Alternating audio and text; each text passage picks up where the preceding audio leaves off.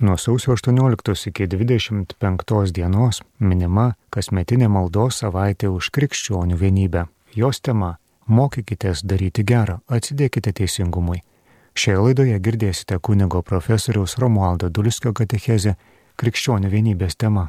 Šį pamastymą apie ekumenizmą pradėkime vienu reikšmingu akcentu susijusiu su garsiu protestantų misionieriumi Viljamu Kerry, skelbusiu Evangeliją Indijoje.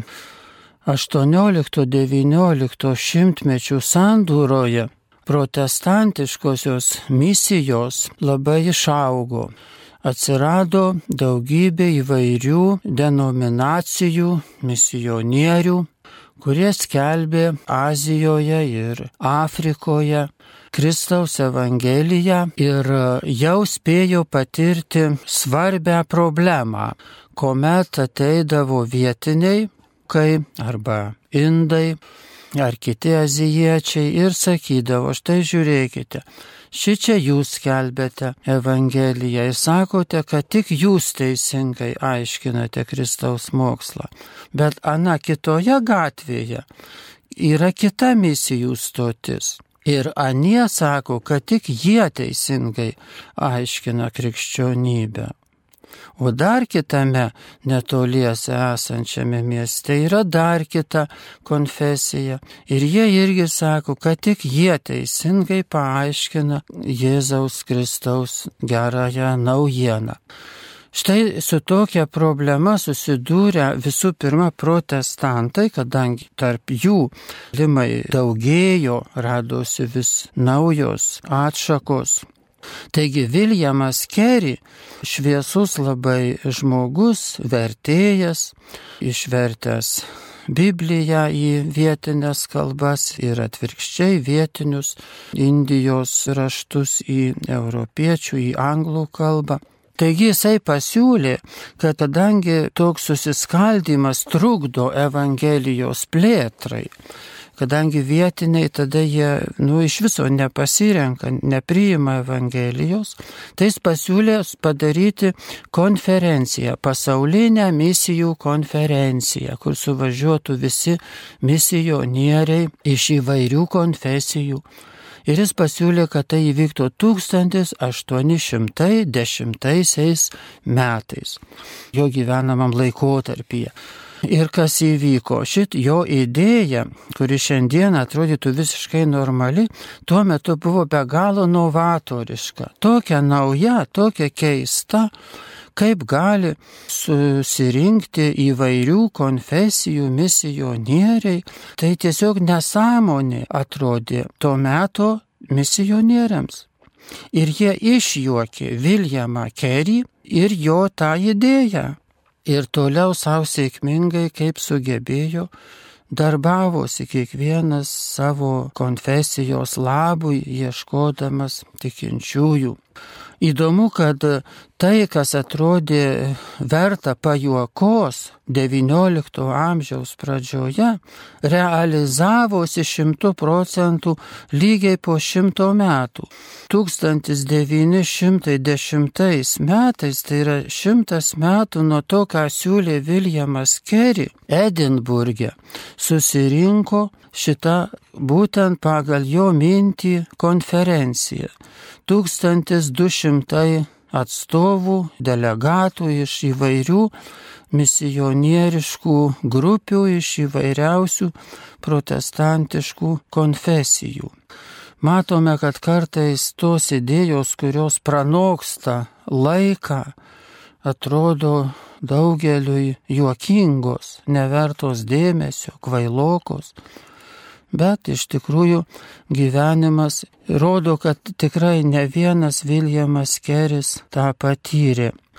Kągi mums duoda ekumenizmas, ekumeninis žvilgsnis į įvairias krikščioniškasias konfesijas. Visų pirma, galbūt verta mums pastebėti, kad krikščionybėje vyko ir vyksta tam tikra raida, procesas. Kaip ir visa žmonijos sąmonės raida žmonijos istorijoje. Įdomu, kad Velionis Benediktas XVI rašė apie religinės žmonijos sąmonės evoliuciją. Ir jis ten išvardina, kokia buvo primityvi ta religinė sąmonė žmonijos evoliucijos aušroje, kai tik prasidėjo, kai aptinkamas tas pirmykštis religingumas. Tai buvo animistai, žmonės, kurie tikėjo į dvasias, tas tikėjimas dominavo ir tik vėliau radosi monoteizmo idėja kuri susijusi ne vien su Dievo vienumu, bet su asmeninė žmogaus atsakomybė už savo mintis, žodžius ir darbus. Bet nesigilinant į tos raidos detalės, mes gal apsistokim šiandien tik tiek pastebėti, kad e, žmonija, žmonijos sąmonė ir religinė sąmonė, religijos fenomenas yra kaip tekanti upė. Kaip graikai sakė, pantarei, viskas teka, viskas kinta. Ir pažangos kryptimi. Ir toje upėje apsireiškė Jėzus Kristus, Dievo malonės neišsakomas slėpinys, neišsemiamas. Ir čia galėtume mes pamastyti, ar Jėzaus apsireiškimas labiau suvoktinas statiškai ar dinamiškai. Tai yra Ar jis atneši tokį naujumą, kaip kokią, sakytume, žuvį, kad imkite, valgykite, ji gatava, daugiau nieko nebus geresnio. Čia yra desertas žmonijos istorijos.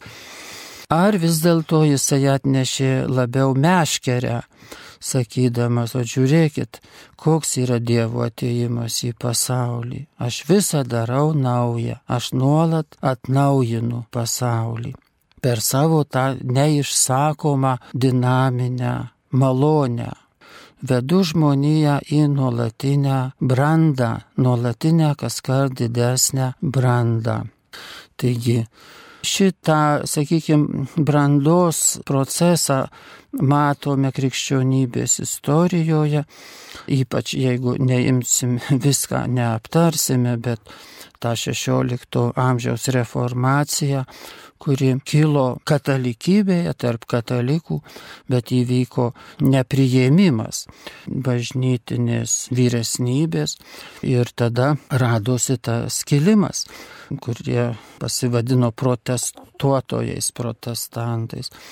Bet iš tikrųjų daugybė katalikų tuo metu manė, kad labai svarbu išversti Bibliją į tautinės kalbas, kad visi žmonės suprastų ir galėtų skaityti ne tik lotiniškai, kaip buvo lygi tol, bet savo nacionalinėmis kalbomis.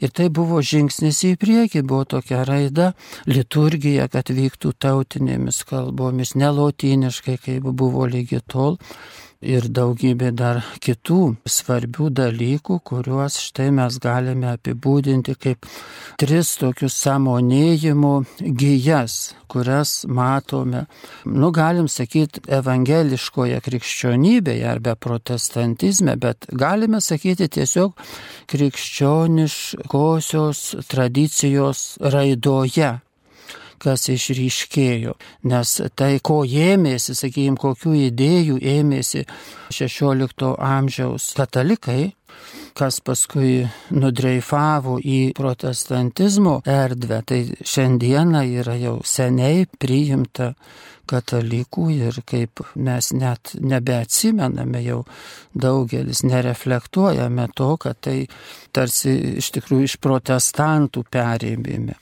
kažkuriuo tai metu anksčiau ar vėliau, po to, kai jau jie buvo tą suvokę.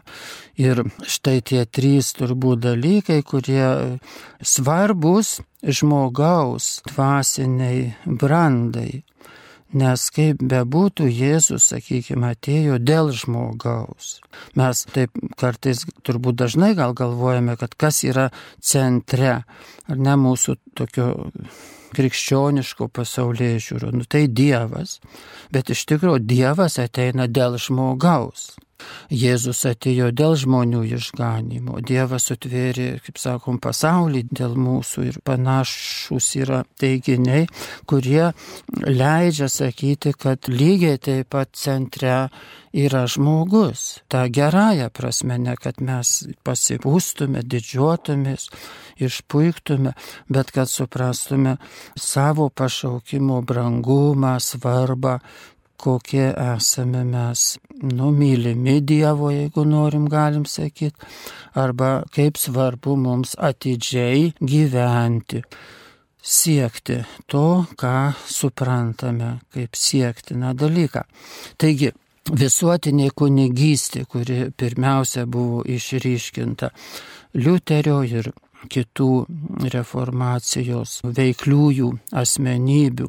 Ir ką tai reiškia ta visuotinė kunigystė, ji šiek tiek prieš priešinta tarnaujančiais šventimų kunigystai, jos sąskaita, sakysim, iškelta, nes kad žmogus, krikščionis, ne tiek lauktų visko iš kunigų, kad kunigai tą pamokys, kunigai tą paaiškins arba lieps ką nors. Ir tada jau mes darysime. Bet visuotinė kunigystė reiškia, kad tu esi atsakingas, tu pats būk atsakingas. Ir kaip Liuteris sakė, nu tai va, imk Bibliją, skaityk ir jeigu nori, vadovaukis ją. O jeigu tu nenori vadovautis, tai kas tau padės išorinis autoritetas? reiškia iniciatyvos pažadinimas pačiame žmoguje, atgrėžimas jo paties į savarankišką tokį rūpinimąsi savo sielos išganimu. Rūpinkis savo dvasiniu augimu, dvasiniu gyvenimu, ką tu skaitai, ką tu, kaip tu meldiesi, kaip koks tavo santykis su Dievu ir taip toliau. Ir tai yra vienas toks turbūt ir šiandieną dar aktualus aspektas. Kitas yra, kad protestantizmas atgręžė žmogų į dabartinį arba šiandienį santykį su Dievu nes katalikybė arba rytų krikščionybė labai brangina tradiciją, reiškia žiūri viso testinumo, kas buvo nuo Jėzaus iki dabar ir tai yra savaip vertinga, tikrai labai, labai svarbu kad neišradinėtume dviračio, pasimokyti iš tų, kurie gyveno iki mūsų, buvo pilni irgi šventos dvasios ir Dievo malonės bet vis dėlto tas akcentas, kad tu turi atrasti santyki su Dievu, tu šiandien turi pats atrasti. Tu negali pamėgdžioti tų, kurie gyveno gal ir šventai tobulai, bet praeitįje jie gyveno savo gyvenimą. Ir jie tuo metu atrado tą asmeninį santyki su Dievu, originalų įsirašant į tą tradiciją, teisingą, bet naują santykį.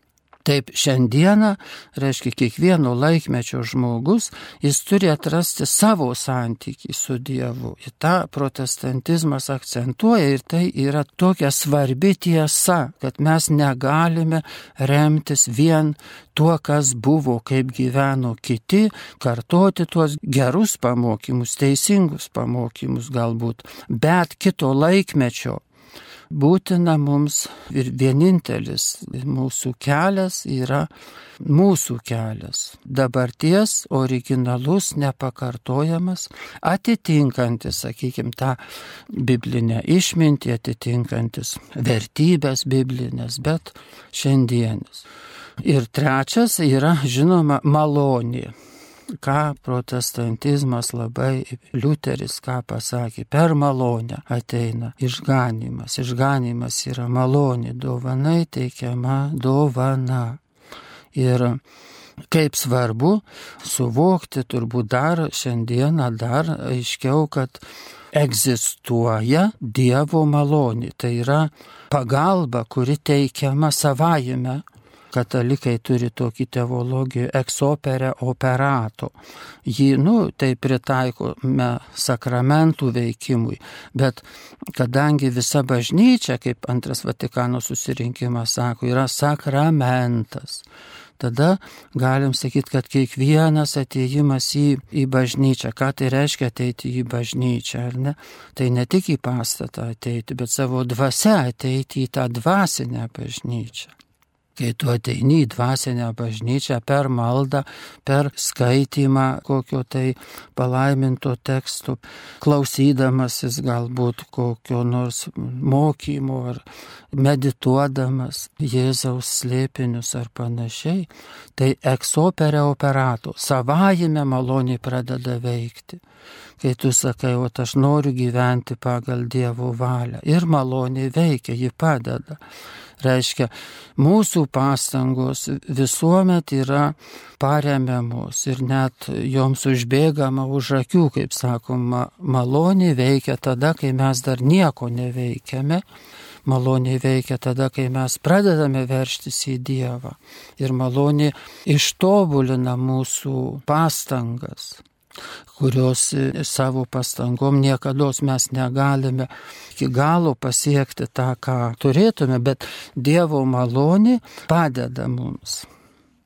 Tai šios trys gyjos visos yra nukreiptos į žmogaus dvasinį brandimą. Ir šiandieną turbūt labai svarbu mąstyti, kalbėti apie objektyvę asmens moralinę ir dvasinę brandą. Kas tas išganimas? Gyveni bet kaip ir šitą vangalų į dangų malonį. Ne, malonė yra tai, kad Dievas tave perkeičia, tave brandina, tobulina. O vis dėlto šiandieną, žiūrint tokioje ekumeninėje perspektyvoje, tai mes matom tą subjektyvų tokį religinį požiūrį, subjektyvų krikščionišką požiūrį, kada žmonės nesiekia objektyvaus pažinimo ir net tokios pretenzijos neturi, net nepretenduoja objektyviai ką nors paaiškinti, bet tiesiog sakot, mes taip tikime, mes taip tikime, aš taip tikiu. Ir viskas, visi atsakymai iš to kyla. Ir to labai daug turbūt ne tarp katalikų, bet dar daugiau gal ir tarp protestantų, gal mano subjektyvi nuomonė, bet tas toks nenoras matyti nieko į šalis kaip tie arkliai, kurie pasibaido senoviai. Arkliam uždėdavo tokius gaubtukus ant akių, kad jie matytų tik į priekį, į šonus nematytų. Ir tada jie nepasibaido. Toks yra reiškinys, kai arklys gali pasibaidyti ir tada jisai tampa nevaldomas tai atrodytų, kad tarsi ta baimė, žinai, pamatyti ką nors iš šalies, geriau nieko nematyti, subjektyviai žiūrėti tik tai į priekį ar žiūrėti į save, ką aš tikiu, kaip aš suprantu, kaip mes suprantam, mūsų konfesija kaip supranta, tai čia galutinis atskaitos taškas. Tik mes katalikai to laikomės, mes to nejuntame, nes mūsų bažnyčia didelė, nu tai atrodo čia visai logiška. Bet kai susidurėm su mažų konfesijų atstovais, kurie sako, nu žinot, mūsų yra tenais 200 tūkstančių, bet tik tai mes teisingai aiškiname Bibliją. Tai tas atrodo iš šalies žiūrint, juokingai atrodo. Tačiau juokingas yra turbūt bet koks subjektyvumas. Nes šiandien pasaulio raida, žmonijos visuomenės raida, pastebėkime, kad krypsta link objektyvumo. Reiškia, kas subjektyvu, kas šališka, iš tikrųjų tai prasilenkia su tiesa. Tiesa yra objektyvi ir taip pat ir religinė tiesa. Ateity turbūt tas konfliktas tarp subjektyvios religinės tiesos ir objektyvaus dieviškos tikrovės pažinimo, jis dar darysis toks svarbesnis vis dėlto svarstyklės nusvirs į tą objektyvų požiūrį. Sakykime, tu gali laikyti subjektyvių savo tikėjimo postulatų, bet ar tai sukuria objektyvę asmeninę dvasinę brandą? Čia yra esminis klausimas. Jeigu subjektyvūs požiūriai sukuria subjektyvų gėrį, tai yra netikrą gėrį, iliuzinį gėrį, tai tada jis ir yra toks. Ir, sakykime, ekumenizmo tokioje perspektyvoje ir ypač tarp religinio dialogo, tai tas objektyvus žvilgsnis įgyja ypatingą reikšmę. Pavyzdžiui, pacituosiu Tomaš Haliką, išgarsėjusi, bet ir nebereikalo šiandieną garsų į šiandienos čekų teologą. Jisai sako, kalbu apie esmingą dvasinį ir intelektualinį šių dienų krikščionybės gilinimą. Citatos pabaiga. Taigi šią citatą Halikas nu, leidžia suprasti, kad šiandienos krikščionybę reikėtų pagilinti, kad ji pernelyg paviršutiniška ir jos dvasingumas sakytume, ir intelektualinis dėmuo arba gyja yra nepakankami. Tai labai svarbu krikščionybės arba krikščioniškosios minties kokybė, gelmė. Nors ekumeninė savaitė šita vadinama, tačiau norėtųsi taip pat ir paliesti tarp religinio dialogo aktualumą Kartais mes atsimenam ir šios savaitės metu kitas religijas. Ir dialogas šiuo atveju galėtume kalbėti apie tai, kad gali būti dviejopas, tai yra dialogas, kada mes susitinkam kitų religijų žmonės, o taip paplekšnojam per petį ir sakom, at kaip gerai, kad mes kažką randam bendro, arba galima kokius bendrus projektus varyti žmonijos naudai ir panašiai. Bet kitas yra tas tarp religinio dialogo aktualumas, kada mes patys gal ir nesusitikę arba iš savo jau praeitų susitikimų apmastome, ką reiškia kitos religijos mums, ką jos duoda Bet žinoma, čia turėčiau gal įsiterpti, kad daugybė juk žmonių net nepažįsta krikščionybės. Tai tada pirmas, aišku, dalykas - pažinti krikščionybę. Labai pažinti. Daug knygų perskaityti, daug paskaitų išgirsti. Tiesiog pažinti katalikybę, jeigu esi katalikas, pažinti protestantizmą labai nuodugniai. Ir tuomet, kai esam tokie jau labai sąmoningi, kaip sakom, krikščionys, tai tada tikrai mums verta pamastyti apie tai, ką mums sako tas susitikimas su kitomis religijomis, nes tokiu būdu kas įvyksta, mes pažvelgiame į save iš šalies. Nes labai daug yra krikščionybėje, vėl nežinau, ar protestantiškoje to daugiau, ar katalikiškoje, paliksiu atspėti, kaip sakant, pas kiekvienam turėti savo nuomonę, bet tiek daug yra to tokio pasitikėjimo savo gerumu, savo teisumu, kaip Biblija sako, o pasitikėjimas jūsų savo teisumu yra tiesiog šiukšlės, sako Dievas Senam testamente per pranašą. Tai tas pasitikėjimas savo teisumu reiškia, kad viskas čia iš Dievo krikščionybėje, viskas tobula, viskas iš dangaus nuleista, kai tuo tarpu iš tikrųjų daug juk yra žmogaus indėlio labai daug. Žmogus kaip suprato, kaip priėmė, kaip parašė, kokiam laikmetį gyveno. Tai bažnyčia ar krikščionybė yra Dievo ir žmogaus, nu, bendras kūrinys, nuostabus galbūt, bet dar nuostabiau nebūti savim patenkintų. Tai va, ir šiandienėme pasaulyje, kur mes nebegalim pabėgti nuo kitų religijų, ką reiškia religijų, tai iš tikrųjų tai yra civilizacijos, kultūros kitos arba filosofinės minties tradicijos arba tiesiog gyvenimo mokymai, nes religija yra vakarietiška, europietiška savoka, o Azijos kaip mes sakom, religijos, jos vadinamos mokymais, jų kalbomis. Tai tiesiog mokymas, kaip gyventi. Ir jame gali būti daugiau religijos, mažiau religijos, bet tikrai nėra vien tik religija. Ten bet yra ir filosofija, ir etika, ir kultūra, todėl tas mūsų, sakykime, irgi vakariečių, krikščioniškos kultūros žmonių susidūrimas, susitikimas su anų kultūros žmonėmis, tai irgi galim sakyti dviejų kultūrų, civilizacijų, dviejų filosofinių, nu, tokių išsamių labai mokyklų susitikimas.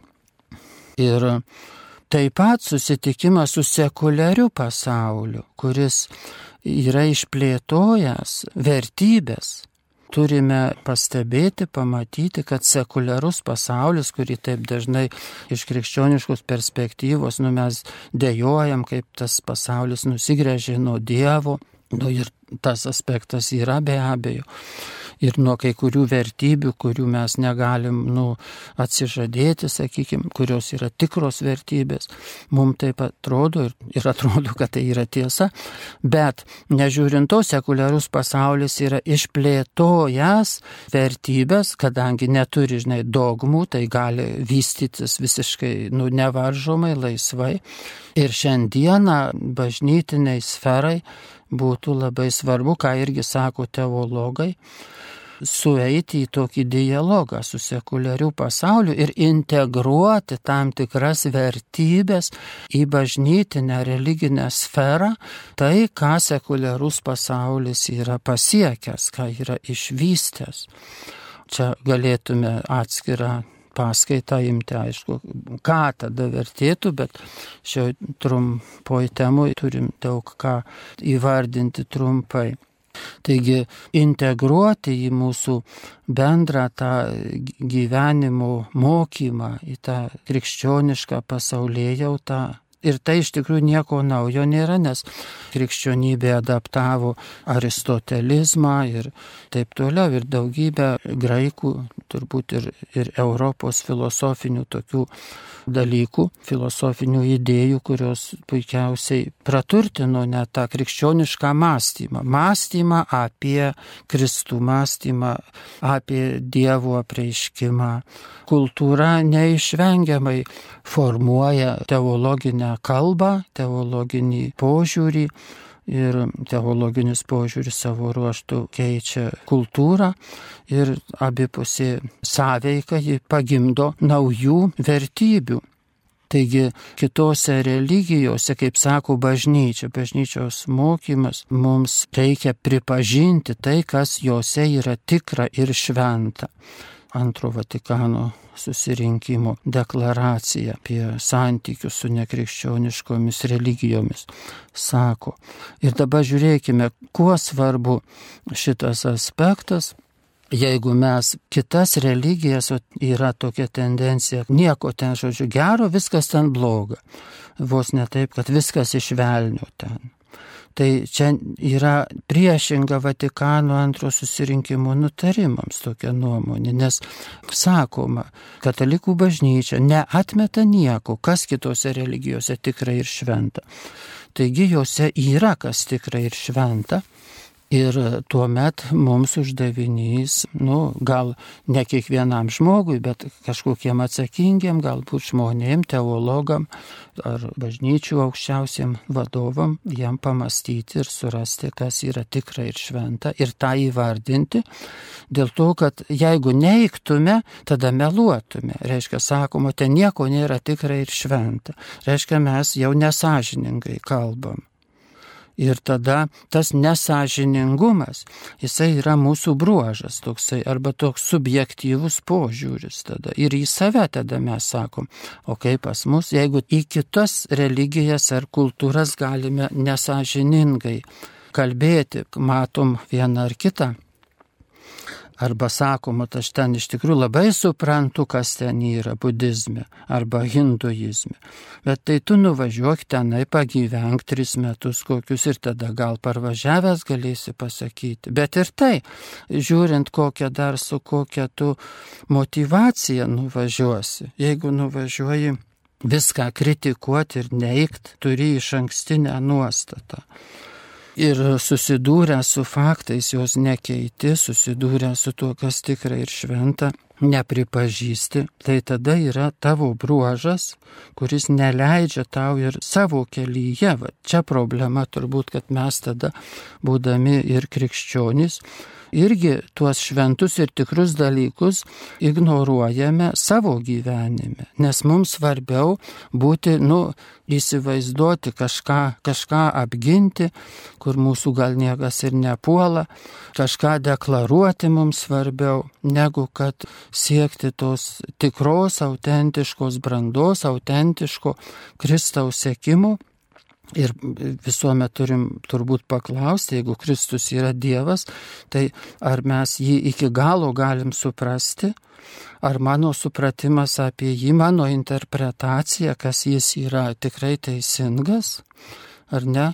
Nes va tie pradžioj minėti įvairiausių konfesijų misionieriai, jie turėjo labai skirtingą supratimą apie Jėzų. Ir šiandieną tas pat yra apie krikščionybę skirtingi labai supratimai vyrauja krikščionybėje, oficialiai reiškiami arba privačiai turimi savo mintyse. Ir reiškia, visuomet yra ta problema, ar aš teisingai interpretuoju Jėzų, jo fenomeną, jo mokymą, jo žodžius. Ir tą turiu nuolatos, turbūt būdamas visiškai sąžiningas, turiu tą nuolatos paklausti savęs. Tai va, ir taip mes tada turbūt einame prie ekumeninių tokių, tarp religinio dialogo taip pat keliu einame į tam tikrą kokybiškesnį supratimą ne tik dieviškųjų dalykų, ne tik dieviškosios tikrovės, ne tik Dievo planų, bet ir žmogaus pašaukimo, žmogaus misijos, žmogaus tapatybės, žmogaus fenomeno, kas aš esu. Žmonijos istorija, jos raida mus veda turbūt į tą tobulesnį pažinimą pamatyti savo konfesijos, taip pat trūkumus, kaip matome kitų konfesijų trūkumus, išdrysti pamatyti, nes tik tada pamatydami, įvardindami galime tobulinti. Tikroji meilė savo, sakykime, bažnyčiai yra tai, kad mes sakome, to, esame tokių va, trūkumų, jau gal kas nors sekuliarus pasaulis ar, ar kitose kultūrose tam tikri aspektai jau jie geriau realizuoti negu mūsų. Ir mums reikia tą atpažinti ir kuo greičiau tą kažkaip pataisyti.